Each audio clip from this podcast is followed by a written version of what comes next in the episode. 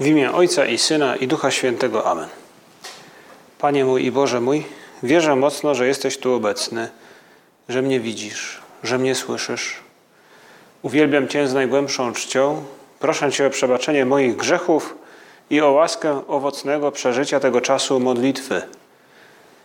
Matko moja niepokalana, święty Józefie, Ojcze i Panie mój, Aniele stróżu mój, wstawcie się za mną. Mijają kolejne dni od zesłania Ducha Świętego i naszej modlitwie dzisiaj wieczorem przed Przenajświętszym Sakramencie, przed Przenajświętszym Sakramentem, naszej modlitwie możemy posłużyć się przypomnieniem sobie pierwszych kroków chrześcijaństwa. To jest to, co działo się w tych pierwszych miesiącach, latach, tuż po tym, gdy Duch Święty wzmocnił apostołów tak jak i wzmacnia każdego z nas. Ten Duch Święty, którego otrzymaliśmy na Chrzcie Świętym, który podczas bierzmowania jakby zamieszkał w nas ze zwiększoną mocą i który dzisiaj wspomaga nasze działanie, które nie jest tylko działaniem takim czysto ludzkim, ale jest działaniem z miłości do Pana Boga.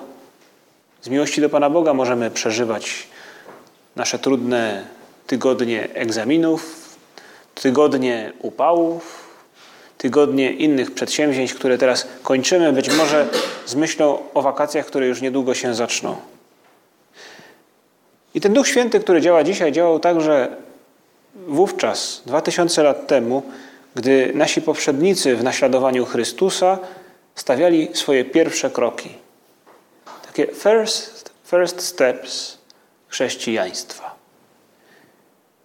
Możemy pomyśleć, jak często Poważni ludzie przypominają, wspominają swoje pierwsze kroki, pewne historie ze studiów, początki firmy.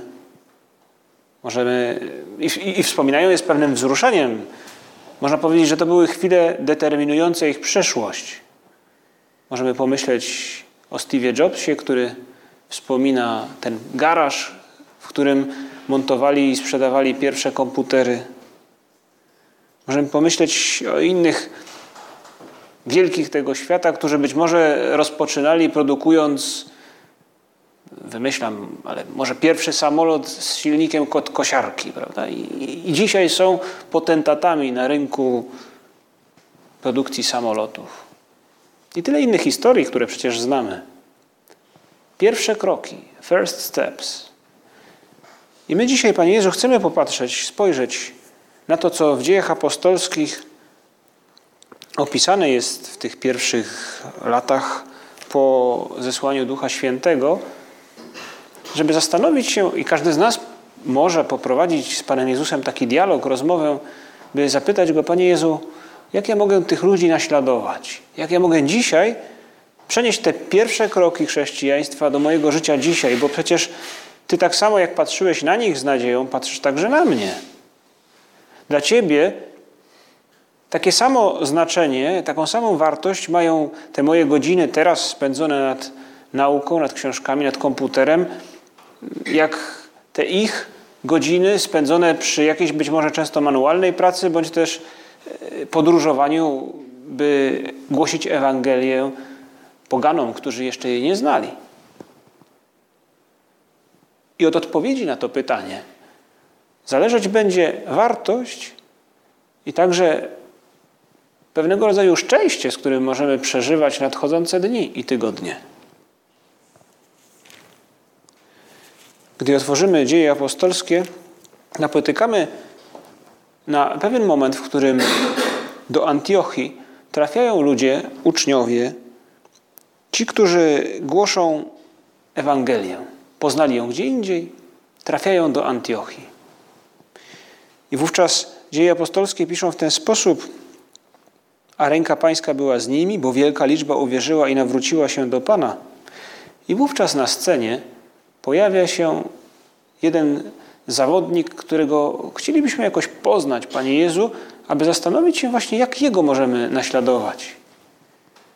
To niejaki Barnaba, którego wspomnienie obchodziliśmy wczoraj. Barnaba apostoł, a więc człowiek, który znał Jezusa Chrystusa. O tym, że uwierzyło wielu, że wielu w Antiochii uwierzyło w imię Pana Jezusa, e, dowiedzieli się apostołowie i uczniowie z Jerozolimy. Wieść o tym doszła do uszu kościoła w Jerozolimie i wówczas wysłano do Antiochii Barnabę. Gdy on przybył i zobaczył działanie łaski Bożej, ucieszył się i zachęcał wszystkich, aby całym sercem wytrwali przy Panu. I mówi, mówią dzieje apostolskie o tym, kim był Barnaba, opisują go w ten sposób. Był bowiem człowiekiem dobrym i pełnym Ducha Świętego. Ducha Świętego i wiary. Pozyskano wtedy wielką rzeszę, wielką liczbę dla Pana. Tak rozpoczyna się ta historia, która później, za chwilę zobaczymy, będzie miała bardzo intensywny przebieg. To tylko początek, a już widzimy, że Barnaba pojawia się w tym mieście i zmienia jego postać, jakby jego oblicze. Barnaba to człowiek dobry i pełen Ducha Świętego. To ktoś, kto jest dobry, a więc możemy powiedzieć, i tak widać go znano, i dlatego tak to zapisano, to ktoś, kto umiał naśladować Jezusa Chrystusa. Jakby ktoś spojrzał na zdjęcie, odbicie i powiedział: Tak, ten człowiek żyje jak Jezus Chrystus, dlatego mówię, jest dobry.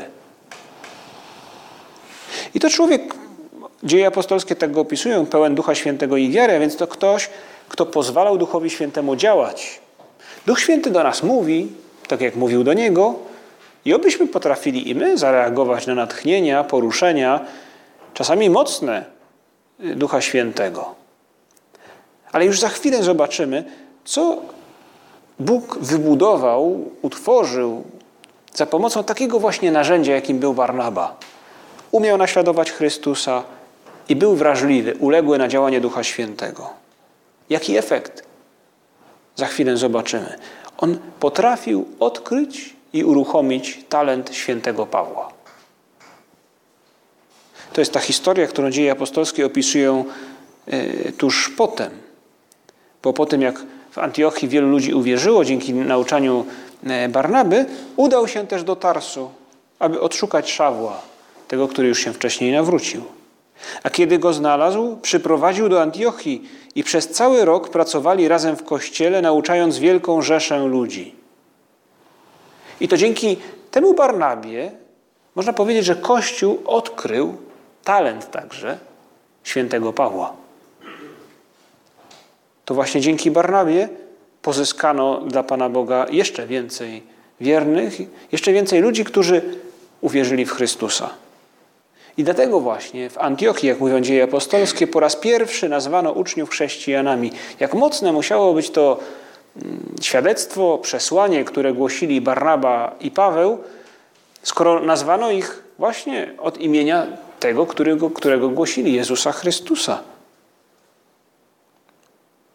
Wiemy, jak historia Barnaby później się potoczyła. W pewnym sensie Barnaba schodzi powoli, powoli na drugi plan bo głosi towarzyszy Pawłowi w czasie jego pierwszej podróży misyjnej i, i, można powiedzieć, to już Paweł jest tym głównym zawodnikiem, tym, który także poznał Jezusa Chrystusa zmartwychwstałego i który towarzyszy mu, towarzyszy Barnabie na każdym kroku. To właśnie to właśnie Szaweł jest tym jakby głównym zawodnikiem, a Barnaba powoli schodzi na drugi plan. W dodatku przy drugiej podróży chcieli Barnaba i Szaweł, Paweł ruszyć razem, ale pokłócili się w pewnym sensie o, o jednego z towarzyszy podróży i stwierdzili, lepiej pojedźmy osobno bez niego. Bez, jeden stwierdził, że woli jechać bez, bez Marka, drugi wolał zabrać Marka. Trochę się poróżnili i rozstali się w pokoju, ale jednak pojechali głosić Ewangelię gdzie indziej. I wówczas jakby powoli ślad zaginął. Już po naszym Barnabie tradycja przekazuje, że e, zatrzymał się na Cyprze, był nawet biskupem Cypru i, i, i zginął śmiercią męczeńską ukamienowany. Taki był Barnaba apostoł. To on jeszcze wcześniej przedstawił Szawła apostołom. Bo do Jerozolimy dotarła wieść, że ten, który prześladował Kościół, teraz głosi Ewangelię. Nie jest już tylko jakimś nawróconym. Jest tym, który głosi Ewangelię.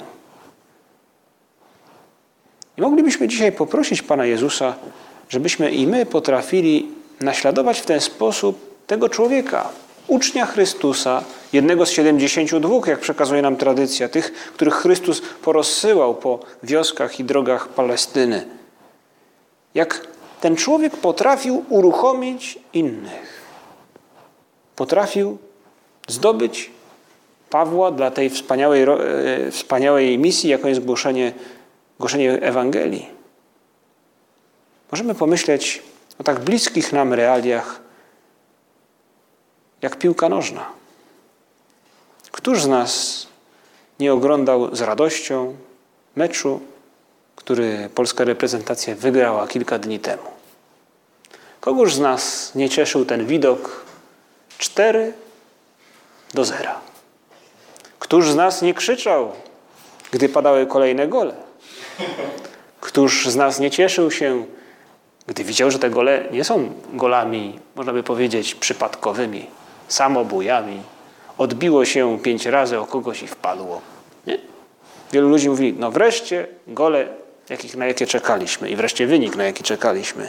Wreszcie gra, jaką czekali, na jaką czekaliśmy. Niektórzy mówią, no piątek znowu strzelił pierwszego gola. Ale można pomyśleć, ale kto podawał do piątka? Kto sprawił, że Grosicki, Grosicki wreszcie strzelił jak trzeba? Strzelił? Niektórzy mówi, mówią, że na, na treningu ponoć strzelał i nic mu nie wychodziło. Ale właśnie ktoś mu podał tak, że strzelił i trafił. I dobry gol, piękny gol. Właśnie potrzebny był zawodnik, który odpowiednio podaje, który umiejętnie podaje, taki zieliński, który trafia tam, gdzie trzeba, wtedy, kiedy trzeba.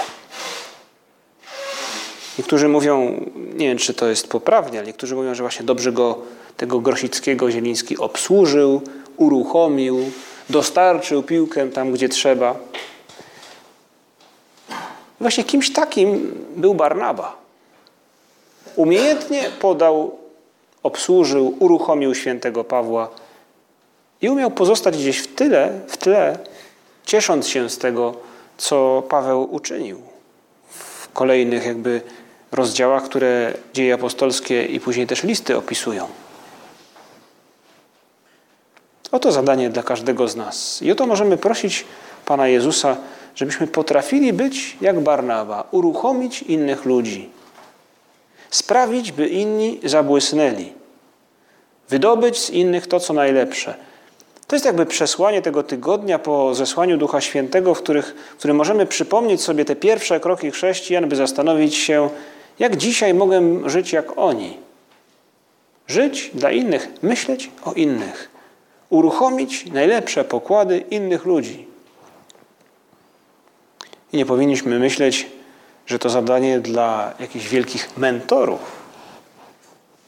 Prawdopodobnie ani Barnaba, ani Paweł, ani inni z tych chrześcijan, których spotykamy na stronach dziejów apostolskich, no niektórzy z nich mieli wielki talent, to prawda, ale wielu było ludzi takich jak my, ludzi normalnych, którzy, tak jak Barnaba, człowiek dobry i pełen Ducha Świętego i wiary, i te jakby dwie rzeczy złączone ze sobą, ta uległość i umiejętność naśladowania Chrystusa sprawiły, że Bóg jakby pomnożył ich talenty i przy, w dodatku pomógł im wydobyć talenty tuż obok, dużo większe od nich samych.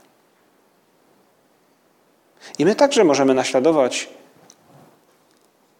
Barnabę i, i pozostałych apostołów czy uczniów Chrystusa w tym wydobywaniu z innych ludzi tego, co najlepsze – i w gruncie rzeczy nie jest to niczym innym jak naśladowaniem Jezusa Chrystusa, bo przecież to On jest pierwszym, który spotyka ludzi i widzimy to na każdej stronie prawie, że Ewangelii widzimy, jak Chrystus kogoś spotyka. I co robi? No robi właśnie to, co zrobił Barnaba i co zrobił Zieliński na boisku. Podał i ktoś inny trafił. Czasami było to w historii Jezusa Chrystusa to, co dzieje się w jego spotkaniu z Zacheuszem. Zacheusz to szef celników. Człowiek, którym wielu ludzi gardzi, ale to człowiek, który słyszał o Chrystusie i chciałby go zobaczyć. I tego Zacheusza Jezus Chrystus spotyka, gdy wszedł na drzewo. Coś wydawałoby się nietypowego, wyjątkowego, nieprzystającego do pozycji Zacheusza. Wszedł na drzewo, żeby zobaczyć, usłyszeć Chrystusa, o którym tyle słyszał. I wówczas Jezus Chrystus podchodzi do niego i w umiejętny sposób mówi mu o czymś, czego Zacheusz nawet nie przeczuwał, nie, do, do głowy mu nie przyszło. On chciał tylko zobaczyć i usłyszeć Chrystusa, a Chrystus mówi mu: Zejdź prędko, albowiem dziś muszę się zatrzymać w Twoim domu. I ta bliskość Chrystusa, ta jego pomysłowość, ta jego spostrzegawczość sprawiają, że Zacheusz zmienia się i wpada na dobry pomysł. Możemy tak pomyśleć, powiedzieć. Bo nawraca się i mówi Chrystusowi: Panie, oto połowę mojego majątku daję ubogim, a jeśli kogo w czym skrzewdziłem, zwracam poczwórnie. To jest Chrystus, który umiejętnie podaje. Sprawia, że ktoś wpada na dobry pomysł. Sprawia, że ktoś w tym przypadku zmienia swoje życie. Nie chodzi o to, abyśmy wyszli teraz na ulicę w poszukiwaniu ludzi, których muszę nawrócić, prawda? Nawrócić. Chcesz się nawrócić? Nie wiem, czy chcę się nawrócić. Ale każdy z nas, gdybyśmy w naszej głowie, w naszej wyobraźni, w naszej pamięci zajęli większą ilość naszych zasobów innymi ludźmi, z pewnością wpadlibyśmy na pomysły, pomoglibyśmy innym wpaść na pomysły podobne jak Chrystus, który pomaga Zacheuszowi coś zmienić w swoim życiu. Wymagało to spostrzegawczości, spostrzegawczości wymagało to zainteresowania. Być może także przezwyciężenia jakiegoś zmęczenia, które u Chrystusa y, musiało się w końcu też i akumulować. Tyle dni nauczania, tyle dni zużywania nie tylko swojego głosu, ale i sił, by się przemieszczać po tych drogach, które może tak bardzo przypominają nam się teraz, gdy i my doświadczamy upałów. To ktoś, kto potrafi umiejętnie podać. Albo inna historia, gdy Chrystus pomaga komuś zmienić punkt widzenia, jak dzieje się w spotkaniu z Natanaelem. Ten człowiek pełen różnych uprzedzeń, a także o trudnym charakterze, jak widzimy z tego, w jaki sposób zwraca się do Filipa, swojego przyjaciela, a także później do Jezusa Chrystusa, ten człowiek nagle się zmienia, bo Jezus Chrystus potrafi dostosować swój przekaz do tego, kogo ma naprzeciw siebie i zmienia go. Kimś takim był Barnaba. Kogoś w kimś takim, jakim był Barnaba, inni ludzie dostrzegali Chrystusa właśnie dzięki temu, że umiejętnie podaje. Bo Chrystus spotyka Natanaela, najpierw Filip przyprowadza Natanaela do Chrystusa, mówi mu, znaleźliśmy tego, o którym pisał Mojżesz w prawie i prorocy, Jezusa, syna Józefa z Nazaretu. Natanael na to, czy może być co dobrego z Nazaretu? Odpowiada, widać już, że to człowiek o jasnych poglądach. Krótka piłka. No chodź i zobacz, mówi mu Filip. Patrz, to prawdziwy Izraelita, mówi o, o, o Natanaelu Jezus Chrystus. Skąd mnie znasz? Odpowiada, może tak twardo wciąż Natanael. Widziałem Cię, mówi mu Jezus Chrystus, pod drzewem, zanim Cię zawołał Filip. Gdy byłeś pod drzewem figowym, pod figowcem, odpowiedział mu Natanael. I to jest ta zmiana, która w nim następuje, bo bo widać, że zrozumiał, o co Jezusowi Chrystusowi chodziło. To jakby dialog, w którym tylko oni dwaj się rozumieją. My widzimy tylko, czy czytamy te słowa, które przekazuje nam Ewangelia świętego Jana. Rabbi, Ty jesteś Synem Bożym, Ty jesteś Królem Izraela. Jego punkt widzenia zmienił się o 180 stopni. Albo to inna historia z tych spotkań Chrystusa, z człowiekiem, którego imienia nawet nie znamy, bo to ojciec, który przyprowadza do Chrystusa swojego syna, który ma ducha niemego. Powiedziałem Twoim uczniom, żeby go wyrzucili, ale nie mogli. Jezus Chrystus prosi, aby przyprowadzono go do niego i zapytuje tego ojca, widać jak e, ten duch jakby zaczął szarpać tego chłopca, od jak dawna mu się to zdarza, ten zaś odrzekł od dzieciństwa. I często rzucał go nawet w ogień, w wodę, żeby go zgubić. Lecz jeśli możesz, co zlituj się nad nami i pomóż nam. Widać desperację, pewnego rodzaju także zrezygnowanie w głosie tego ojca. Sytuacja wydawałaby się bez wyjścia, chwyta się różnych środków, by zaradzić temu, bo przecież kocha swojego syna. Widać, że jest to człowiek, który jakby podupadł na duchu. I nagle tego człowieka Jezus Chrystus podnosi. Jednym spojrzeniem, jednym gestem, patrząc mu prosto w oczy, mówi mu: Wszystko możliwe jest dla tego, kto wierzy. Jeśli możesz, jeśli możesz, bo mówi mu ojciec, e, jeśli możesz, co zlituj się nad nami pomóż nam. Jeśli możesz, mówił Jezus, wszystko możliwe jest dla tego, kto wierzy. I to spojrzenie i to słowo zmieniają tego człowieka, bo mówił natychmiast do Chrystusa, natychmiast ojciec o chłopca zawołał, wierzę, zarać memu niedowiarstwu. I Jezus Chrystus dokonuje tego cudu. Podnosi człowieka, który, który patrzył tylko w ziemię. Dlatego trudno mu było uwierzyć, dlatego trudno mu było pomyśleć, że jakaś siła ponadnaturalna, nadprzyrodzona może zmienić tę sytuację. Obyśmy i my, Panie Jezu, zdobyli się na takie postępowanie człowieka, który uruchamia innych. Bez bycia kimś nadzwyczajnym, wielkim mentorem, kimś takim, kim być może byli i są nasi rodzice, którzy jakimś gestem potrafili poprawić nam dzień. Kimś takim, kto dobrym słowem potrafił nas do czegoś zachęcić, wysiłku, bądź pocieszyć, kiedy było trudno. Pomóż nam, Panie Jezu, być właśnie takimi jak Barnaba teraz, kiedy jest nam gorąco i kiedy mamy sporo stresu związanego z egzaminami, zaliczeniami, końcem roku akademickiego. Ale by to się stało, niezbędne jest, aby każdy z nas uczynił wysiłek, by inni znaleźli się w mojej głowie, w moich myślach, w mojej wyobraźni, w mojej pamięci. Święty Josemaria w drodze zawarł taki punkt, myśl, która dotyczy może bardziej naszej pracy, my możemy przenieść to na teren naszego myślenia o innych. Bo mówi święty Josemaria tak, czy naprawdę chcesz osiągnąć świętość? Spełniaj drobne obowiązki każdej chwili. Jakby mówił święty Josemaria bardziej o naszym stosunku, relacji z, no, z rzeczywistością, z materią, tym, co przemieniamy naszą pracą. Mówi nam, chcesz dążyć do świętości? No to przemieniaj rzeczywistość e, w tych rzeczach drobnych, które są Twoimi obowiązkami. W Twoich e, zajęciach, wtedy, kiedy musisz wstać rano do pracy czy na uczelnię, wtedy, kiedy masz zabrać się do, do jakiejś e, nauki, do jakiejś nauki po obiedzie, kiedy jest ciężko się do tego zabrać. Drobne chwile, spełniaj te obowiązki. Jeśli wygrasz w tych walkach, stopniowo zdobędziesz świętość. Będziesz świętym, jeśli będziesz to czynił z miłości do mnie, mówi, mówi nam e, Jezus Chrystus, jakby w ustach świętego Josemarii. Ale kończy ten, ten opis dotyczący bardziej może pracy jednym zdaniem, które możemy przenieść na teren naszego myślenia o innych. Mówi tak: spełniaj drobne obowiązki każdej chwili, jeśli chcesz być święty. I mówi tak: czyń co powinieneś, skupiony na tym, co czynisz. Założyciel Opus Dei, jak Jezus Chrystus, jak wielu innych świętych, to realista stuprocentowy. Czyń, co powinieneś, skupiony na tym, co czynisz. Nie uciekaj w, bujanie w obłokach. Czyń, co powinieneś, skupiony na tym, co czynisz. Jakby nam mówił, myśl o tym, o czym powinieneś.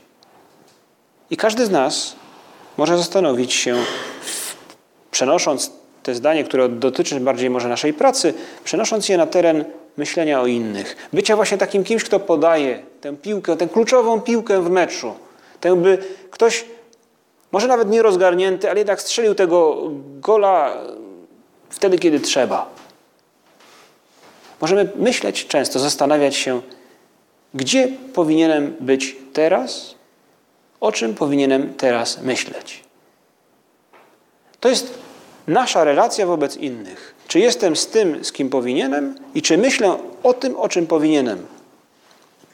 Nie chodzi o jakąś całkowitą abnegację myślenia o swoich sprawach, bo przecież musimy też stąpać twardo po ziemi i zorganizować się i na uczelni, i, i w naszych przyjaźniach mieć jakieś plany i pomysły, i też odpocząć i tak dalej. Ale jak łatwo nam jest i doświadczamy tego, Panie Jezu, tak łatwo, dobrze jest nam to też mu, mu, powiedzieć. Panie Jezu, przecież my doświadczamy tego, że łatwo nam myśleć o nas samych, o tym, jak mi jest gorąco, jak mi jest niedobrze, jak mi jest to czy tamto. Ale jak bardzo bym chciał, żeby coś tam i tam i coś więcej. Jak bardzo nam pomaga pomyśleć, gdzie powinienem być teraz. O czym powinienem myśleć. To jest twardy realizm zamiast takiej czasami emocjonalnej galaretki. Bo czasami, Panie Jezu, tacy jesteśmy, właśnie rozemocjonowani, ulegamy emocjom i okazuje się, że cały wieczór, całe popołudnie myślałem o, o, swoich sprawach, które tak naprawdę nie są znaczące, bo nie jest to matura, którą właśnie zawaliłem, ani studia, z których właśnie mnie wyrzucili. Tylko myślałem być może, ależ ten ktoś do mnie się odezwał i wówczas rozpętała się karuzela emocjonalna, która mnie przytłoczyła. Albo to, że nie zdążam z jakimś projektem, prawda? I jest to ważna rzecz, ale nie jest to rzecz, która decyduje o moim życiu. Powiedzmy sobie szczerze. I ktoś, kto studiuje więcej niż tylko kilka miesięcy, już o tym wie. Twardy realizm zamiast rozemocjonowanej galaretki. Mówią Hiszpanie, jest takie powiedzenie, przynajmniej w Hiszpanii je spotkałem, być może gdzieś indziej jest takie samo, że trawa u sąsiada zawsze jest bardziej zielona niż ta u ciebie w domu. Właśnie ktoś, kto zawsze patrzy i zazdrości temu sąsiadowi, że jego trawnik jest lepszy niż ten swój. I my ludzie mamy taką tendencję do tego, by uciekać trochę od tego, o czym, w czym powinniśmy się zajmować, od tego, o czym powinniśmy myśleć. Dziś możemy zastanowić się, czy ja potrafię być takim realistą, zapragnąć tego bardziej. Jeden znajomy w ubiegły poniedziałek spotkaliśmy się gdzieś wieczorem. To było no, dosyć intensywne spotkanie. I to był ktoś, kto był zaangażowany w to spotkanie.